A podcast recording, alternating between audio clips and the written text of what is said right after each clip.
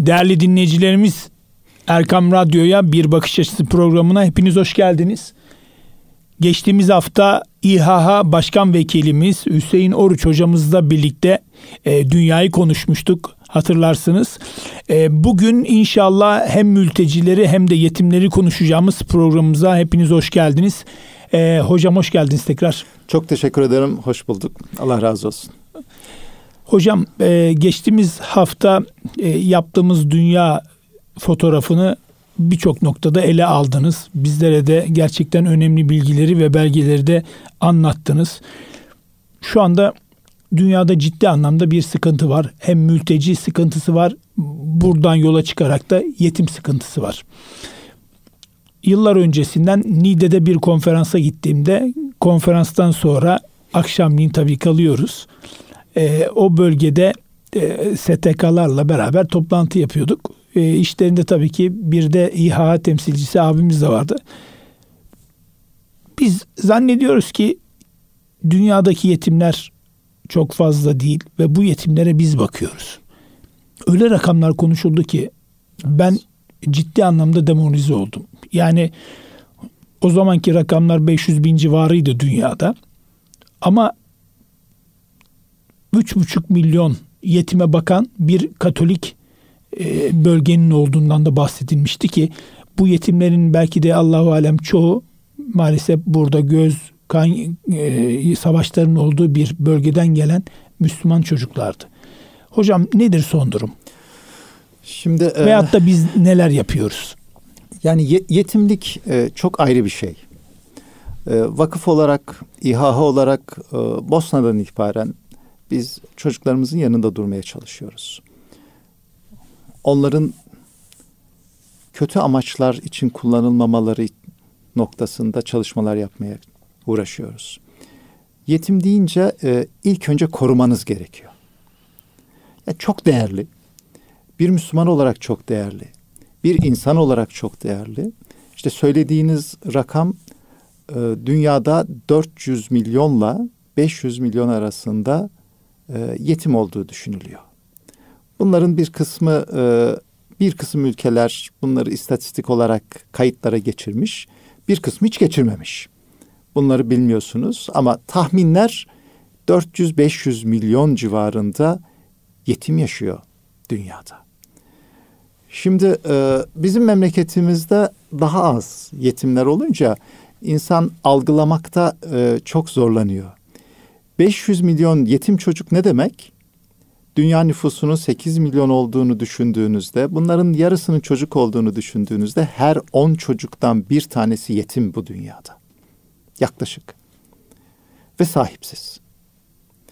Şimdi böyle büyük bir coğrafyayı gördüğünüz zaman o zaman biraz daha iyi anlıyorsunuz ki Efendimiz niye yetime bu kadar çok önem vermiş? Kendisi de yetim. Onu çok yakından yaşıyor ve çok önem veriyor. Şimdi bu bizim için de bir e, yol gösterici. Mutlaka biz de yanında durmamız lazım. Yetimlerin yanında durmamız lazım. Bosna ile beraber gördüğümüz çok kötü bir manzara vardı. Sonra bütün afet bölgelerinde benzerini yaşadık. Sahipsiz olan çocuğun başına ne geliyor? Organ mafyası geliyor. Suriye'de şu anda görüyoruz. Yani e, daha yakın zamanda PYD'nin kontrol ettiği bölgede e, vücutları kesik içinde ameliyat olmuş, e, organları alınmış, yol kenarına da atılmış çocuklar bulundu. Organ mafyası geliyor, kimi buluyor? Sahipsizi buluyor. Kimsesi olmayanı buluyor. Bunlar alıyor götürüyor. Yani çocuk bir yedek parça gibi maalesef kullanılabiliyor. Bunlar çok yaygın mıdır? Binler midir? Değil. Ama bir tanesi bile çok önemli değil mi? Hep e, karşılaştırmayı evinizden yapın diyorlar. Evinizde olsa ne olurdu? Çocuğumuz yetim olsaydı, siz olmasaydınız. Allah nasip etmiş, şehit olmuştunuz, ölmemiştiniz, ölü değillersiniz. Görüyorsunuz da ne olup bittiğini, yaşıyorsunuz. Çocuğunuz da kalmış dünyada yetim. ve bir zalim organ mafyasının eline düşmüş. Siz canınızı vermişsiniz ama geride bıraktığınız arkadaşlarınız çocuğunuzu koruyamamışlar. Oradan da görüyorsunuz. Şimdi e, bugün sabah dinledim. Çok hoşuma gitti. Sabrı Gazali e, tarif ederken şöyle demiş. Allah rahmet eylesin. Allah rahmet eylesin. Dünyada başınıza gelen belaları küçük, bunların karşılığında öbür dünyadaki ödülleri de büyük görmektir. Çok güzel bir sabır tarifi. Bir imtihan dünyasındayız. Bu imtihanda sabretmemiz lazım. Sonunda cennete gideceğiz inşallah. İnşallah. Ödüllerinizi de orada alacağız. İnşallah. Ama oraya gidebilmek için burada sorumluluklarımızı da yerine getirmemiz lazım. Bu memleketin ayakta durması için hayatını vermiş. Dünyada mazlumların yaşayabilmesi için hayatını vermiş. Bedel ödemiş. İnsanların emanetlerine sahip çıkmadan da cennette o büyük ödülleri herhalde e, zorlanırız. Hepsini yapabilir miyiz? Yapabileceğimiz kadarını. Karınca misali ağzımızda ne taşıyorsak onunla sorgulamamız da e, inşallah o sınırda kalır diye dua ederiz, umut ederiz. İnşallah. Şimdi dünyanın birçok noktasında böyle yetimler var. Sahipsiz kalırsa bunun eline düşüyor. Misyonerlerin eline düşüyor. Birebir yaşadığımız şeyler oldu. Biz e, Pakistan'da deprem sonrasında 2005 depremi sonrasında çok büyük bir felaketti. Keşmir bölgesi çok büyük bir zarar görmüştü. Vakıf olarak orada e, hemen çalışmalara başlamıştık. E, Bülent Yıldırım abimiz İçişleri Bakanı ile Pakistan İçişleri Bakanı ile basın toplantısı yaptığında demişti ki Keşmir'in bütün çocuklarına biz sahip çıkacağız. O gün 30 bin civarında yetim kaldığı söyleniyordu. Dedi ki hepsine sahip çıkacağız. Hepimiz çok endişe ettik. Ya nasıl olacak abi 30 bin, 30 bin çocuğa nasıl sahip çıkacağız? Dedi ki ya burada biz sahip çıkmazsak bak neler olduğunu biliyorsunuz. Allah'ın izniyle İslam coğrafyası 30 bin çocuğuna bakamayacaksa niye var ya? Yapalım demişti. Yaparız demişti. Allah'a çok şükür. Benim açımdan İHH'daki yetim çalışmalarında çok kırılma noktalarından bir tanesidir. Pakistan yetim çalışmaları. Yapabilirmişiz. 30 bin de çok büyük bir sayı değilmiş. Şimdi söylediniz ya e, misyoner kuruluşlardan 3 milyon yetimle ilgilenen kurumlar var. Bunlar neyle yapıyorlar? Şimdi Batı'yı eleştirmeyi biliyoruz. Bir şey yapmıyorlar demeyi biliyoruz. Niye kendimize bakmıyoruz? Oradaki bir kuruma 3 milyon yetimle ilgilenme imkanını devlet vermiyor, halk veriyor. İnsanlar götürüyor, yardımlarını bu kuruma veriyor. Kilise bunları destekliyor. Kilisede paralar toplanıyor. 3 milyondan fazla yetime bir kurum bakıyor. Niye Türkiye'de İHH 3 milyona bakamasın ki? Çok mu fazla? Bununla ilgili altyapımız var mı? Var. Yetim Vakfımız var, İHA'mız var, başka kurumlarımız var. Şimdi hepimiz yetimle ilgili müjdeleri dinliyoruz. Çok mutlu oluyoruz. Diyoruz ki yetimle ilgilenen Efendimizin hadisi mealen iki parmağını gösteriyor ya Efendimiz. Cennette böyle oturacağız diye. Bunu söylüyoruz. E ama bir yetime sahip çıkmakla ilgili niye adım atmıyoruz? Çok mu zor bir şey? İnanın değil. Yapılabiliyor mu? Yapılabiliyor. Sıkıntılı mı? Evet zor ve sıkıntılı bir şey ama mümkün. Bizden istenen şey de aslında çok fazla bir şey değil. Yani e, artık sınırlar kalmamış. Buradan Pakistan'daki çocukları gidip sahiplenmesi burada yaşayan bir insanın pek mümkün değil. Ama burada İHA diyor ki ben bunu yaparım. Neyle yapıyor?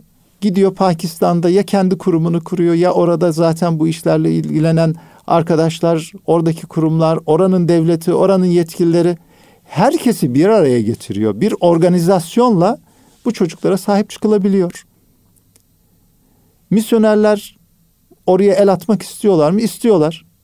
Alıyorlar, devşiriyorlar çocuklarımızı. Afrika'da biz çok görüyoruz. Çok karşılaşıyoruz. adı Muhammed olan, Ahmet olan, Hüseyin olan rahiplerle çok karşılaşıyoruz. Bunlarla alınıyor, gene bizim topluluklarımız ifsat ediliyor. Niye? Biz orada olmadığımız için. Şimdi bizim çok sonraları farkına vardığımız, Türkiye olarak, İslam coğrafyası olarak çok sonraları farkına vardığımız işlerden bir tanesi bu. Kendi sınırlarımızın içerisine hapsedilmişiz. İmkanlarımız var, çok büyük imkanlarımız var. Ama o imkanlarımızı kendi kardeşlerimizle paylaşma imkanımız yok. Çocuk dediğinizde zaten çocukların hepsi Müslüman. Bizim e, Küba'da da yetimlerimiz var. Haiti'de de yetimlerimiz oldu. Çocuklar fitraton hepsi Müslüman olarak doğdular. Hepsi bizim sorumluluğumuzda olmalılar. Savaşçı yapılıyorlar. Şimdi Suriye'de belki dünyanın dört bir tarafından gelmiş, orada bir yanlışa düşmüş de gelmiş, işite katılmış, başka bir gruba katılmış, öldürülmüş, beraberinde getirdiği zavallı çocuk kalmış orada. 10 yaşında, 12 yaşında alıp devşirilip asker yapılan çocuklarla karşılaşıyoruz biz. Hangi birimiz 10 yaşındaki çocuğunu bir terör örgütüne verir de asker yapar? Yapmayız. E bunu da engellememiz lazım. En azından engellemek için uğraşmamız lazım. Bizim yetimle ilgili baktığımız e, nokta ağırlıklı olarak bu. Yetimle ilgili ne kadar çok müjde var değil mi biliyorsunuz? Evet. Yani bunu Erkam Radyo'da çok bir daha tekrar etmeye gerek yok. Ee, çok büyük müjdeler var. Ama müjdelerin hiçbirisi yetim için değil biliyor musunuz Ahmet Bey? Siz işte yetimin elinde tutarsanız yetim şöyle olacak demiyor. Yetime cennette şu olacak denmiyor. Kime deniyor? Yardım edeni deniliyor. Başına elinizi koyduğunuz zaman saçları sayısınca günahınız dökülüyor. Bunu yetimin yanına gitmeyen anlamaz. Bunun ne kadar değerli bir şey olduğunu bilmeyiz. Şimdi söyledim daha yakın zamanda Suriye'deydim. Yetimhanelerimizi de ziyaret ettim. Çocuklar başlarını elinizin altına sokmak için o kadar uğraşıyorlar ki. Elinizi sıkıyor, sonra elinizi tutup kalbinin üzerine koyuyor. Kenara çektiğinizde tekrar alıyor, tekrar koyuyor. Şimdi bu, bu çocuklarımızın yanında durmak için dünyanın her tarafında çalışmalar yapmamız lazım. Sayıları da çok çoğaltmamız lazım. İHA bunu yapıyor. Bugün Allah'a çok şükür 130 bin yetimle ilgileniyor. Ama 130 bin. Türkiye mi dünya mı hocam? Türkiye ve dünyada 130 bin civarında yetimimiz var. E, bu ilgilenmeyle ilgili de sınırlıyız. Yani e, aslına bakarsanız böyle her şeyiyle ilgilendiğimiz, alıp evimizin içerisine çocuğumuz yaptığımız bir çalışma değil bu. Yetim çocuklarımıza bir güven ortamı sağladığımız, eğitimlerine destek olduğumuz, yeme içmelerine, barınmalarına destek olduğumuz, ağırlıklı olarak ailelerinin yanında kalan yetimler bunlar. Onlara destek olduğumuz bir yetim çalışması. 42 tane yetimhanemiz var. Dünyanın çeşitli ülkelerinde 42 tane yetimhanemiz var. Bunların iki tanesi çok büyük kompleksler. Gerçekten Allah inşallah görmeyi nasip eder hepimize. İnşallah. E, kurduğumuz memleketlerde, Pakistan'da ve e, Suriye için Reyhanlı'da bu iki merkezimiz, büyük merkezler e, memleketlerin geleceğini değiştirecek gençleri yetiştirecek inşallah. İnşallah. E, onun üzerinde de e, çok önemli adımlar oldu. Burada yaşayan binlerce yetimimiz var. Her şeyleriyle bizim çocuklarımız. Moro'yu biraz e, geçen hafta konuşmuştuk. E, orada da yetimhanelerimiz var. Allah'a çok şükür. Çok da güzel oldu. Afrika'da yetimhanelerimiz var. Sierra Leone'de bir yetimhanemiz var. Çok güzel bir yerde. Şimdi o yetimhaneyi kurduk. Oranın yetimleriyle ilgileniyoruz. Bir baktık yerelde de o kadar çok yetimhane var ki ve çok kötü şartlardalar. Bu sene Ramazan'ı Sierra Leone'deki yetimhanelerde bizim yetimhanemizin dışındaki çok zor şartlarda yaşayan yetimhanelerimizde iftar programları yaptık. Her gün birinde iftar oluyor. Bir kurban kesiliyor, pirinç veriliyor, yemek hazırlanıyor o çocuklarımızın belki yıl içerisinde çok istisnai olarak tüketebildikleri bir iftar oluyor. Çocuklar oruç tutuyorlar hepsi. Onlarla böyle bir bayram havasında geçti bu sene. Allah'a çok şükür iftar. Dünyanın her tarafında yapıldı. Bütün yetimhanelerimizde yapıldı. Bütün yetimlerimizde yapıldı. Milyonlarca insanla beraber iftar sofraları kuruldu. Ramazan'ı beraber yaşadık. Allah'a çok şükür. Bu Ramazan'ı yaşarken de e, yetimlerimizle beraber olduk. Şimdi yetim çalışması dünyanın her tarafında yaygınlaşmalı ve bir yetim bilinci oluşmalı. Bununla ilgili e, uluslararası çalışmalarda da Allah'a çok şükür Allah çok önemli bir e, imkan nasip etti. İslam İşbirliği Teşkilatı ile yürüttüğümüz bir çalışmada 15 Ramazan Dünya Yetimler Günü olarak kabul edildi.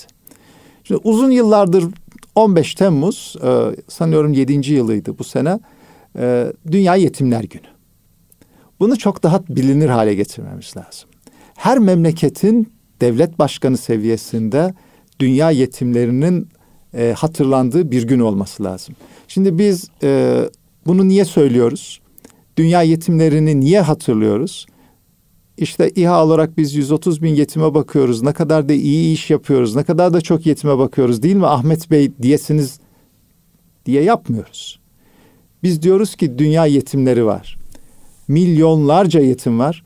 Bunun çok küçük bir damlası olan 130 biniyle ilgilenme imkanımız olmuş. Bunu yapıyoruz. Ne olur siz de ilgilenin. Ya Kuveyt'teki kardeşim bununla ilgilen. Amerika'daki kardeşim bununla ilgilen. Bak bu senin de sorumluluğun. Allah bunu hepimize soracak. Sadece bana sormayacak. Hepimize soracak. E o zaman sorunun cevabını hazırlayın. Gelin bir ucundan tutun. İhale yapabilirsiniz. İHA 130 bin değil 1 milyon 300 bin yetime bakabilir mi? Bakabilir. İlgilenebilir miyiz? Bununla ilgili bir altyapımız var. Bununla ilgili çok güzel bir vakfımız var. Yetim vakfımız var. Burada milyonlarca yetimle ilgilenebilecek bir altyapı var mı? Var. Biz neyi nasıl yapacağımızı çok iyi biliyoruz elhamdülillah. Ha yok öbür türlü yapmak istiyorsak onda da çok güzel. A kurumumuz, B kurumumuz, C kurumumuz onlar da yetimle ilgilenseler, onlar da bizden çok daha büyük sayılar olsa biz karşılaştırmamızı keşke bir misyoner kurumla yapmasak, İslam dünyasındaki başka bir kurumla yapsak desek ki hayırda biz onunla yarışmak istiyoruz. Bak bu kurum bir milyon yetime bakıyor. Bizim ne eksiğimiz var? Niye biz 130 bine bakıyoruz diye bilsek keşke. Bununla ilgili zaten çalışıyoruz. Bu yetim penceresi açılsın istiyoruz. Bu sene 15 Ramazan bütün memleketlerde çok daha belirgin şekilde geçti. İslam İşbirliği Teşkilatı da özel programlar yaptı. Allah razı olsun. Yeniden bir canlanma var orada. Bu şekliyle dünyanın yetimleriyle ilgilenmeye çalışıyoruz. Ee, dediğim gibi yetimhaneler belki şununla bitirme yetimhanelerimiz ve e, ailelerin yanında bitirmek iyi olur. Ee, Ramazan hemen e, bayramı yaşadığımız günler, yaşayacağımız günler e, bayramlık çok önemli bir şey oldu. E, yetimleri sevindirmek çok değerli oldu, çok güzel oldu. Şimdi Ramazan'da e, çalışmalar yapıyoruz. Sofralar kuruyoruz, gıda paketleri dağıtıyoruz. Biraz önce geçen hafta e, biraz daha fazla konuştuk. Gelir getirici e, projeler yapıyoruz. Onları ziyaret ediyoruz. Ama çocukları da unutmamak lazım. Çocukları mutlu edecek şey nedir bayramda? Bir bayramlık. Şimdiki çocuklarımızda biz bunu biraz daha az yaşıyoruz. Bizim neslimizde e, bir giysiye sahip olmak bir ayrıcalıktı. Yeni bir giysi alınması çok değerliydi. E, şimdi bu Türkiye'de biraz e, unutuldu. Sadece bayramda değil, her zaman alınabiliyor. Her zaman ulaşılabilir oldu. Elbette imkanlar arttı. İmkanlar arttı. Elbette sıkıntı içinde olan çok kardeşimiz var. Onlara da e, ulaşmak lazım. Ulaşılıyor. E, ama çocukları çok sevindiren şey onlara verilen e, bir bayramlık. Yakın zamanda e, Kerkük'te bir giysi e, dağıtımına şahitlik ettim. Orada arkadaşlarla beraber çocukların yüzlerindeki mutluluk bambaşka bir şey. Bununla ilgili de Ramazan Allah'a çok şükür çok bereketli geçti. Çok sayıda çocuğumuz dünyanın dört bir tarafında bayramlıklarla sevindirilmiş oldu. Bu sevinci ulaştırmak çok önemli. Evet. E, gülümsemenin sadaka olduğu, mutluluk olduğu e, bir dindeyiz. Bunu yaşıyoruz. E, burada da en önemli şeylerden bir tanesi. Belki e, bir karşılaştırma olsun diye, e, umut olsun diye sadece yokluklar yok. E, Suriye'deki bu son ziyaretimizde beraber e, arkadaşlarla gitmiştik. Daha önce Suriye'yi hiç görmeyen arkadaşlarla gitmiştik. Ee, birçok yeri ziyaret etme imkanımız oldu. Çocuklarla çok vakit geçirdik. Çıkarken dedim ki çıktığımızda e, Reyhanlı'da oturunca en şey neydi? İçlerinden birisi dedi ki mutsuz çocuk görmedim abi. Hepsi çok mutluydu. Somurtan bir çocuk görmedim. Savaş, yokluk, tabi afetler bunlar zor imtihanlar. Ama birazcık imkan sağlanabilirse, hayatta kalmaları temin edilebilir. Çok bir şey istemiyorlar. Ama biraz bir şey varsa mutluluğu da bizden daha çabuk yakalıyorlar. İnşallah böyle küçük dokunuşlarla e, çocuklarımızı da onların ailelerini de mutlu etme imkanı var. Buradan çağrı yapmak lazım. Nasıl çıkıyorsanız, nasıl sahip çıkıyorsanız çıkın ama bir etime sahip çıkın inşallah. İnşallah. Allah razı olsun. E, değerli hocam kısa bir ara verelim. İnşallah kaldığımız yerden devam edelim. E, aradan sonra inşallah mültecileri konuşalım. Değerli dinleyenlerimiz kısa bir aradan sonra inşallah programımıza kaldığımız yerden devam edeceğiz. Kıymetli dinleyenler, Bakış Açısı programımız devam ediyor. Ee, ilk bölümde İHH Başkan Vekilimiz Sayın Hocamız Hüseyin Oruç'la beraberdik. Yine devam ediyoruz. Hocam ilk bölümde yetimi konuştuk. Ee, bu son bölümde inşallah mültecileri değerlendirelim istiyoruz. Tabii mülteci denilince akla önce savaşlar geliyor. Ee, Suriye'yi görüyoruz, Ukrayna'yı görüyoruz. Ee, şöyle bir hadise kulağıma çalındı. E, teyit anlamında ve farklı bir bakış açısı noktasında e, söylemek istiyorum.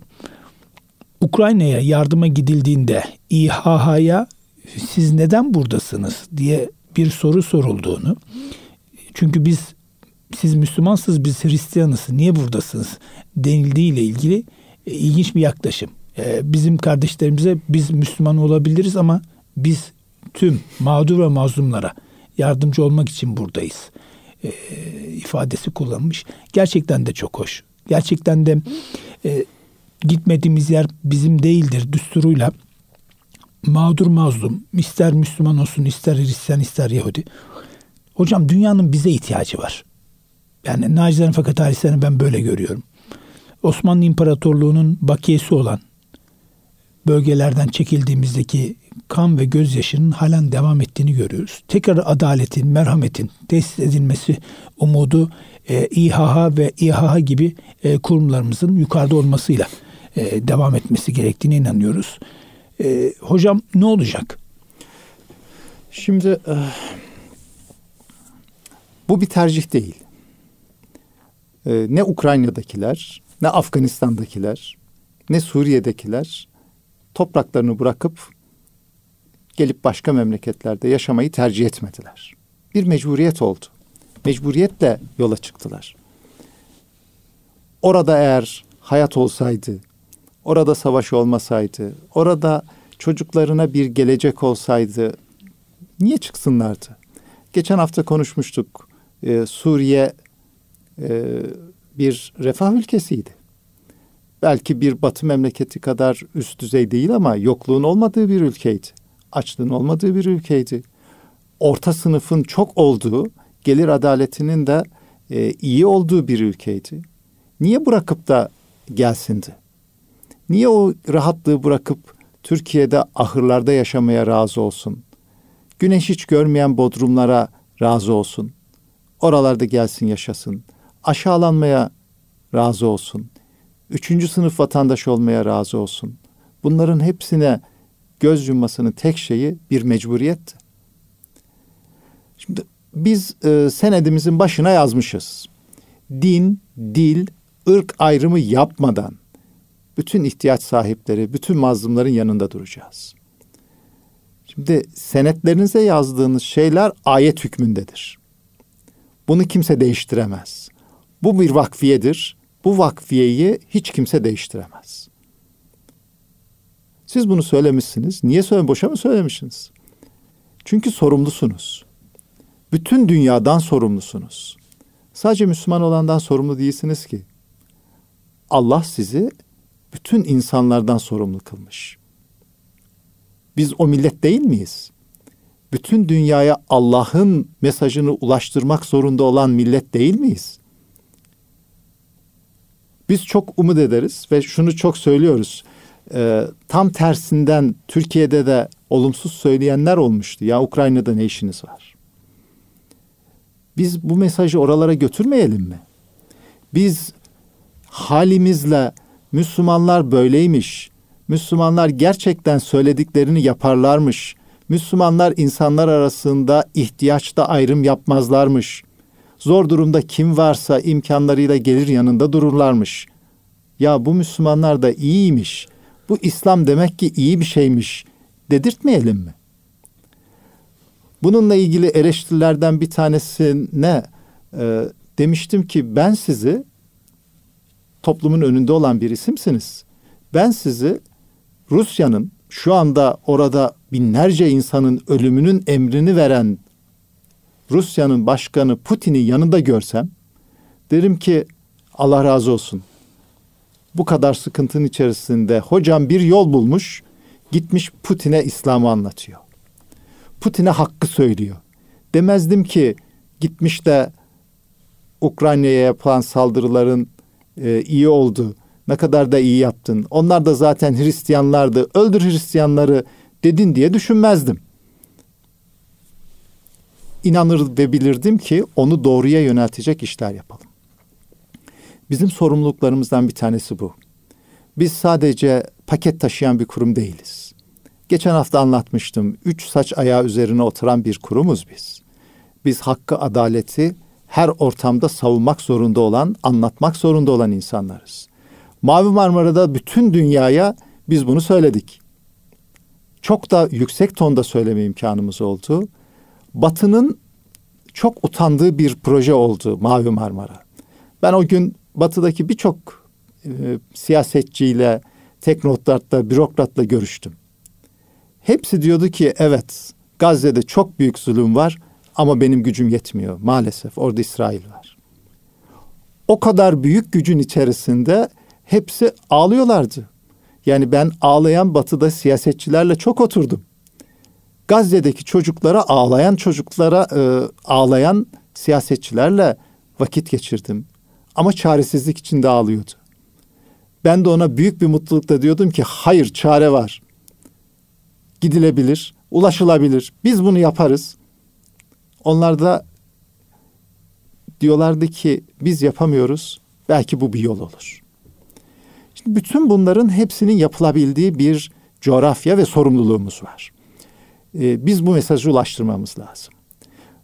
Bu, bu çatıyla birlikte yaptığımız bir şey de paylaşmış olayım. Ee, geçen hafta Sierra Leone yetimhanelerini söylemiştim. Sierra Leone'de aslında biz yetimhanelerden önce e, bir papazken Müslüman olup ondan sonra da e, davet çalışmaları başlayıp binlerce insanın Müslüman olmasına vesile olan e, bir hocamızla tanışmıştık. Sierra Leone'deki en e, giriş şeyimiz bu olmuştu. Musa çok güzel işler yaptı. Onun o güzelliklerini görenler de Müslüman oluyor. Şimdi e, biraz önce Gazali'nin sabırla ilgili şeyini söylemiştim ya. Şimdi bu dünya çok kısa. Bu dünyadaki yaptığımız şeyler de bitiyor. İnsanların günündeki karnını doyurmak çok değerli bir şey. Ama sonu olmayan ahiret içinde ona bir pencere açmamız gerekmiyor mu? Biz misyoner değiliz. Götürdüğümüz gıda paketiyle kimsenin dinini satın almayız. Açtığımız kuyunun, açtığımız katarat ameliyatlarıyla gözün karşılığında insanların dinini almayız. Bunu bir şart olarak söylemeyiz. Rahmetin Allah'ın, hidayetin Allah'ın elinde olduğuna inanırız, biliriz. Bunun dışında bir şeyi kabul etmeyiz. Ama Allah'ın hidayet etmesi için elimizden bir şey geliyorsa, buna vesile olacak bir şey de yapabiliyorsak bunu da yaparız. Mesajımız e, böyle ulaşabiliyorsa ne kadar da güzel olur. Biz bir bölgeye onların dinini satın almak için gitmeyiz. Ama şimdi Ukrayna'da bu çalışmaları gören birkaç kişinin Müslüman olduğunu dinlesek ne kadar seviniriz değil mi? Motivasyonumuz artar. Motivasyonumuz artar. Şimdi e, bu olmadı mı? Bu oluyor. Yardım çalışmalarında benim e, çok ideal isimlerimden bir tanesidir. e, Kuveyt'te Doktor Sümeyt Allah rahmet eylesin birkaç sene önce vefat etti. Allah rahmet eylesin. Abartısız milyonlarca insanın Afrika'da hidayet bulmasına vesile oldu. Neyle yaptı bunu? Gidip de insanlara direkt işte gelin hadi Müslüman olun İslam güzel bir dindir demedi. Gitti hayatını vakfetti. Arkadaşları gitti hayatlarını vakfettiler. Gıda oldular, su kuyusu oldular, kataraklar yaptılar, okullar yaptılar. Halleriyle bir Müslümanın nasıl olması gerektiğini oradaki insanlara gösterdiler. Bu onları İslam yaptı. Bu onların yeniden e, ataları Müslüman olanlar var bunların içerisinde. Yeniden İslam'la tanışmalarına vesile oldu. Bizim çalışmalarımızda bu çok önemli. İşte Musa e, Sierra Leone'de ne kadar çok insanın e, Müslüman olmasına vesile oldu. Oradaki e, çalışmalarını daha uygun bir yerde yapsın diye çok güzel bir İslam Kültür Merkezi inşaatı yapıldı, bitti. Şimdi İHA e, olarak biz bu gibi merkezlerin işletilmesinde e, çok büyük tecrübe sahibi değiliz. Sierra Leone'de e, çalışma yapan e, Hüdayi var. Çok da güzel çalışmalar yapıyor. Şimdi Musa ile Hüdayi'yi bir araya getirdik. Bu çalışma onlarla devam edecek. E, bu bina içerisinde Osman Efendi'yi ziyaret ettik Musa ile beraber. E, dedim ki defterini veriyoruz hocam ama ilk kısmı bizde yazılı. Onu bırakmıyoruz. Bundan sonra da bu hizmetlerin hepsinden hissemizi isteriz. O da böyle gülümseyerek dedi ki gidin çalışın. Çalıştıklarınızın sonucunu da bize söyleyin de mutlu edin bizi. Allah razı olsun. Ee, tam o gün Liberya'dan söylediğin gibi bir şey gelmişti. Ee, video gelmişti. Bir su kuyusu yapmışız. Su kuyusunun açılışına da oradaki bürokratlardan bir tanesi gelmiş. Devlet görevlisi. Su çıkmış. Herkes çok mutlu. Ee, o da görmüş. Demiş ya e, sen kimsin? İşte ben Türkiye'den geldim. Bu işleri yaparız. İnsanlar işte oturup konuşmuşlar. O daha ayrılmadan orada e, birkaç soruyla zaten demek ki bir de şey varmış. Dedik ki hidayet Allah'ın elinde. O çıkan su gelen bürokratın hidayetine vesile olmuş. Müslüman olmuş. Orada şehadet getirmiş. Arkadaşlar da böyle cep telefonuyla videosunu çekmişler. Elhamdülillah. Ee, onu Osman Efendi'ye gösterdim. Çok mutlu oldu. Şimdi e, bu mu mutluluk gerçekten bir ayrım yapmadan. Mültecilik bir tercih değil, bir zorunluluk. Geçen hafta biraz söylemiştim. Çok büyük bir de imkan. Mülteci demek yetişmiş insan demek. Mülteci demek ekonomilerin ayağa kalkması demek. Mülteci demek sizin insan kapasitenize bir şeylerin daha eklenmesi demek. Şimdi gene geçen hafta konuştuk. Suriye'de bugün savaş bitse en az 30 seneye ihtiyacımız var. Niye? Nesil yetiştirmemiz lazım. Niye biz üniversite kurmuşuz? Suriye yeniden inşa edileceği zaman bugün içinde ama ağırlıklı olarak Suriye yarın inşa edileceği zaman insan yetişmiş olsun. Şimdi Suriye'nin onlarca yılda yetiştirdiği insanlar bütün dünyaya dağıldılar. En çoğu da Türkiye'ye geldi. Ne zararı var? Dünyadaki en büyük güç, en büyük kaynak, en büyük kapital insan. Petrolü çıkartıyorsunuz, hemen kullanıyorsunuz. Bugün ekiyorsunuz, bir ay sonra yiyorsunuz. Bir sezon sonra yiyorsunuz. Ama insan yetiştirmeniz için en az 30 yıla ihtiyacınız var. Bugün doğan bir çocuğun topluma verimli bir birey haline gelmesi için ona 30 sene yatırım yapmanız lazım. 30 sene bekleyeceksin ki ondan verim alasın. Şimdi 30 senede yetiştirilmiş milyonlar Suriye'den çıktılar geldiler. Bu çok büyük bir imkan. Ben tekrar altını çiziyorum. Buna bu gözlükle bakmak lazım. Yük diye bakmamak lazım. Bir rahmettir. Savaşın ilk yılıydı. Azez savaştan az etkilenen yerlerden bir tanesidir. Kilis'in tam karşısı. Büyük bir şehir değil. Cuma namazındayız. Ben Arapça bilmiyorum. Hutbede Azezli bir imam e, çok kızgın bir hutbe veriyor. Yanımdaki arkadaş da kısaca tercüme e, tercüme etti. Dedim ne diyor? Dedi ki siz ne kadar kötü adamlarsınız. Ne kadar kısmetsiz adamlarsınız. Bu kadar muhacir ayağınıza geldi. Siz onları misafir etmek yerine Türkiye'ye gitmelerine müsaade ettiniz. Yok muydu yeriniz yurdunuz? Yok muydu bakacak imkanlarınız? Niye onların Türkiye'ye gitmesine vesile oldunuz? Sebep oldunuz? Gitmelerine yol verdiniz. Kalsalar da onlar Allah'ın rahmeti bize gelecekti. Siz bütün her şeyi Türklere verdiniz. Onlar ne kadar akıllı olan insanlar. Ne kadar e, şanslılar. Allah onlara ne kadar rahmet etmiş. Muhaciri misafir etmek onlara nasip oldu. Siz elinizde ne büyük bir e, imkanı teptiniz demişti. Doğrusu da bu. Yani şu Türkiye'nin son 10 yılına bakın. Hem Türkiye'deki mültecilerin hem dünyanın her tarafındaki Müslümanların dualarının ne kadar büyük bir karşılığı var. İnsan gücüyle açıklanabilecek bir şey değil. Kesinlikle değil. Hele hele 15 Temmuz hiç kimsenin sahiplenmemesi gereken bir şey. Böyle Allah'ın yardımının birebir arazide gördüğümüz, yaşadığımız, bütün yaşadığımız, ananını yaşadığımız e, bir çalışma olarak söylüyorum. Belki vakıf olarak içerisinde katkımızın olduğu bir çalışma ama buna rağmen noktadan öteye geçmez. Allah'ın yardımıdır. E bunlar neyle oluyor? Bunlar bu kadar nimete karşı hala şikayet eden bizlerden mi oluyor? Yoksa bu kadar yokluğa rağmen şükreden mültecilerden mi oluyor? Yani azıcık e, insafı olan insanlar herhalde bu mazlumların dualarının ne kadar değerli olduğunu anlarlar. Bir duayı kaybetmememiz lazım. İki, insan gücünü kaybetmememiz lazım. Tekrar ediyorum. İktidarda, muhalefette, buradaki yöneticiler de bütün kardeşlerimiz de tekrar bu mülteci meselesini konuşmalı. Biz mülteciler üzerine kurulmuş bir topluluğuz. Anadolu coğrafyası bitmiş bir coğrafyaydı. 1923'te bu cumhuriyeti kurduğumuz zaman 10 milyona yakın nüfusumuz var. Çok az erkek var. O kadar çok şehit vermişiz ki çok büyük bir kaybımız var. Eli e, kazma tutup tarım yapacak, atılım yapacak adam yok.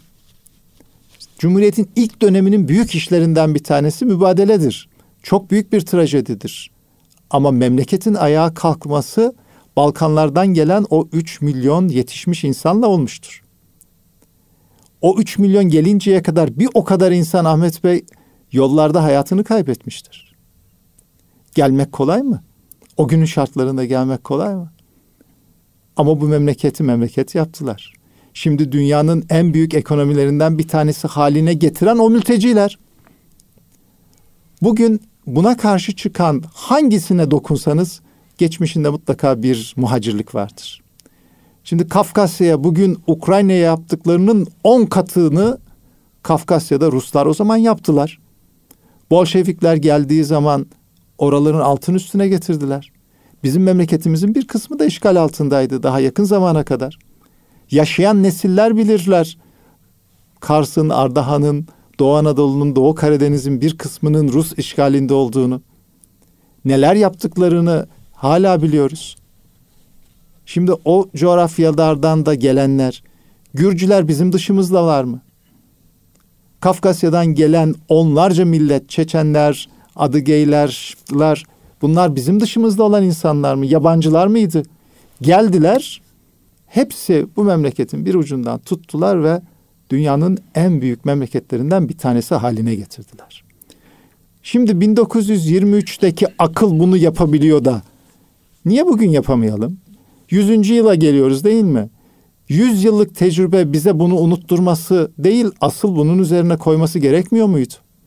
Hem yöneticilerimiz, hem muhalefet, hem halk demeliydi ki bunlar bizi nasıl 23'te kapımızı açıp da aldığımızda büyük bir memleket haline geldiysek şimdi Afganistan'dan gelenler, Suriye'den gelenler, Afgan e, Afrika'nın çeşitli memleketlerinden gelenler, Mısır'da barınamayıp buraya gelmek zorunda kalanlar, Irak, Irak'tan gelmek zorunda kalanlar bunlar Türkiye'yi yeniden bir adım daha atlatacaklar. Şimdi hedefimiz o değil mi bizim? Dünyanın ilk büyük, güçlü memleketlerinden birisi olalım istemiyor muyuz? Her alanda. Her alanda. 100 yılda 20'ye girebilmişiz. Şimdi bu gelenlerle önümüzdeki yüzyılda bir numara olabiliriz. Bakış açımızı düzeltip buna döndürmemiz lazım. Bizim için fayda kısmı. Gereklilik ve gerçek ne? Ben yakın zamanda İdlib'deydim. Dağ taş kamp dolu. Yeni yaptığımız bir okulumuz var. Atme kampı sınıra sıfır bir kamp. Ahmet Bey, o okulun dördüncü katına çıktım. Bir katlı bir okulumuz vardı. Şimdi yanına yetmediği için dört katlı Allah nasip etmiş. Bir okul daha yapıldı. Bir bina daha yapıldı. Çok şükür. Çok şükür. Onun çatısına çıktık. Dördüncü katına. Bütün Atme'yi ayaklarımızın altında görüyorsunuz. Çadır kent. 700 bin insan. Kayıtlı bunlar. Yani e, tahmin etmiyorsunuz. 700 bin insan gözünüzle gördüğünüz çadır kentte yaşıyor. Ya e, dolmuş her yer zaten. Biz muhacirden şikayet ediyoruz. 700 bin insanın yaşadığı İdlib 5 milyon olmuş. Sığmış. Şimdi biz 80 milyonduk. 3 milyon geldi. İdlib'le Türkiye'yi karşılaştırdığımızda e, 500 milyon insan gelse Türkiye'ye, 500 milyon muhacir gelse İdlib'in statüsüne geleceğiz. Bize gelen 80 milyonun içerisinde bir damla bile değil. Şimdi bu mu yük olacak? Yük değil gelen nimettir. Eğer iyi idare edilirse.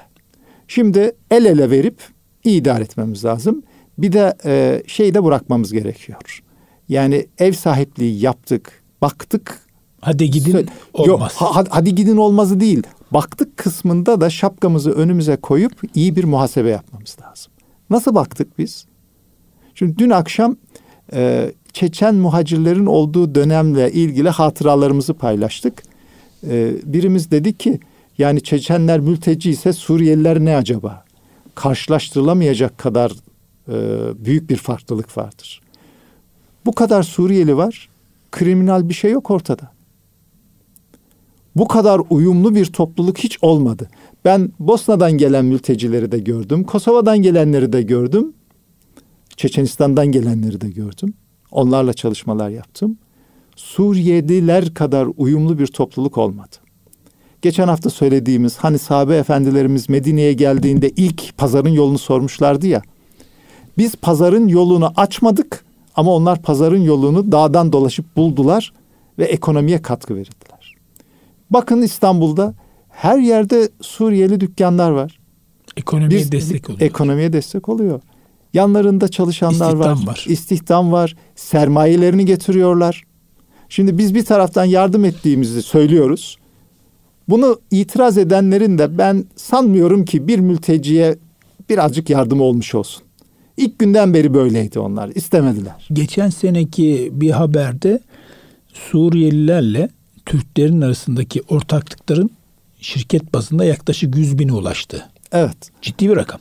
Şimdi evinizin bodrum katını eşyalarınızı bile rutubetten dolayı koymadığınız bodrum katını binlerce liraya kiraya verdiniz. Ondan sonra mülteciye baktınız. Değil mi? İş yerinizi aldınız. Türkiye'den olan birisine bir lira verirken Suriye'den olan birisine 25 kuruş verdiniz. Ondan sonra da Suriyeli çalıştırdınız, baktınız. Şimdi bunları biz görmüyoruz ama bunu gören var. Bu Allah'ın zoruna gider. Orada da kul hakkı var. 25 kuruş olur mu ya? Tabii. 1 lira yapmıyorsun şimdi, bari 80 şimdi, kuruş yap. Şimdi bir gerçek var. Şöyle bir gerçek var. Suriye'ye biz kapımızı açtık. Allah razı olsun idarecilerimiz gerçekten üzerlerine düşeni yaptılar. Halkımızın bir kısmı da kucak açtı. Ama yük olmadı Suriyeliler. Hepsi çalıştılar. 25 kuruş verdiniz. Onlar ne yaptı? Evdeki dört kişi çalıştı. Bir lirayı tamamladı ve hayatlarını devam ettirdiler. Bundan sonra da devam ettirecekler. Zenginleri ne yaptı Ahmet Bey? Ben aracılık ettiğim için biliyorum. Halep'teki fabrikasını getirdi Gaziantep'e kurdu. Halep sanayisindeki birçok fabrika Antep'e taşındı. E, bir ekonomik gösterge. Ekonomik şey geldi. Giriş. Sadece Antep bölgesinde giren sermaye 10 milyar dolar. 10 milyar dolar. Ciddi Sadece mi? Antep'te. Çok güzel. Şimdi biz bir tarafta şu kadar harcadık diyoruz. Sadece Suriyeli iş adamlarının Türkiye'ye getirdikleri sermaye onun kat üstündedir. Şimdi bunları görmeyeceksiniz. İnsan gücünü görmeyeceksiniz. Neyi göreceksiniz? Birkaç tane yaramazlık yapan her toplum içerisinde her olabilecek. Var. Ee, Suriye toplumunda da daha az var. Ben bunu biliyorum. Türkiye ortalamasının çok altında onları görüp mültecileri istemem diyeceksiniz. Bu e, Türkiye'ye atılmış en büyük kazıklardan bir tanesidir. Ben şunu e, görüyorum, korkuyorum da. Şimdi Türkiye'nin büyümesini istemeyenler bunu yapıyorlar. Nifak tohumları Nifak tohumları hem ayrılık tohumları hem de Türkiye ekonomisini onu yaptık bozulmadı. Doları buraya zıplattık olmadı. Faizleri şu hale getirdik. Hala devam ediyoruz Allah'a çok şükür. Ne yapmamız lazım? Üretimi durdurmamız lazım. Üretimi neyle durduracağız? Üretimi işte buradan durduracağız. Bunları gönderelim. Çalışma ekibi gitsin. Çalışma ekibi azalsın. İhracatta yapamayalım. Bizim tam tersini söylememiz lazım. Eğer çalışmayan bir Suriyeli varsa ona balık tutmayı öğretelim. İmkan açalım, yol açalım. Geçen hafta söylemiştik. Uçsuz bucaksız toprakları var Türkiye'nin. 80 milyonu değil bir 80 milyon daha olsa işlendiği zaman rahatlıkla bakabilecek topraklarımız var bizim. Anadolu'da arazi bol. Anadolu'da her taraf ekilebilir, biçilebilir yerler. Zor şartlara da razı olan insanlar var. Şimdi biz çocuklarımızı götürüp de hayvancılık yaptırabilir miyiz? Ama Afganistan'dan gelen bir çocuk bunu yapıyor. Niye yapıyor? Geride bıraktığı ailesindeki 20 kişinin karnının doyması için onun burada olması lazım. Bütün aşağılanmaya, sıkıntıya, probleme rağmen zor şartlarda burada çalışıyor ki geride bıraktığı anası, babası, kardeşleri orada karınlarını doyurabilsinler. Kendisi için yaşamıyor çocuk. Buraya gelen her mülteci aslında geride bıraktığı onlarca ailesinden mensubun e, kendini feda etmiş. Onlar için yaşıyor, kendisi için yaşamıyor. Ben umut ediyorum, dua ediyorum. İnşallah e, bu akıl yeniden rayına girer. E, ilk günlerdeki gibi e, Medine'deki ensar havasına yeniden bürünürüz. İnşallah. Bir şey yapmıyorsak da hiç değilse düşmanlık yapmayalım. Bırakın. Size bir zararı yok ki. Hiçbir zararı yok. Yardım eden yardım ediyor. Sen zaten yardım etmedin.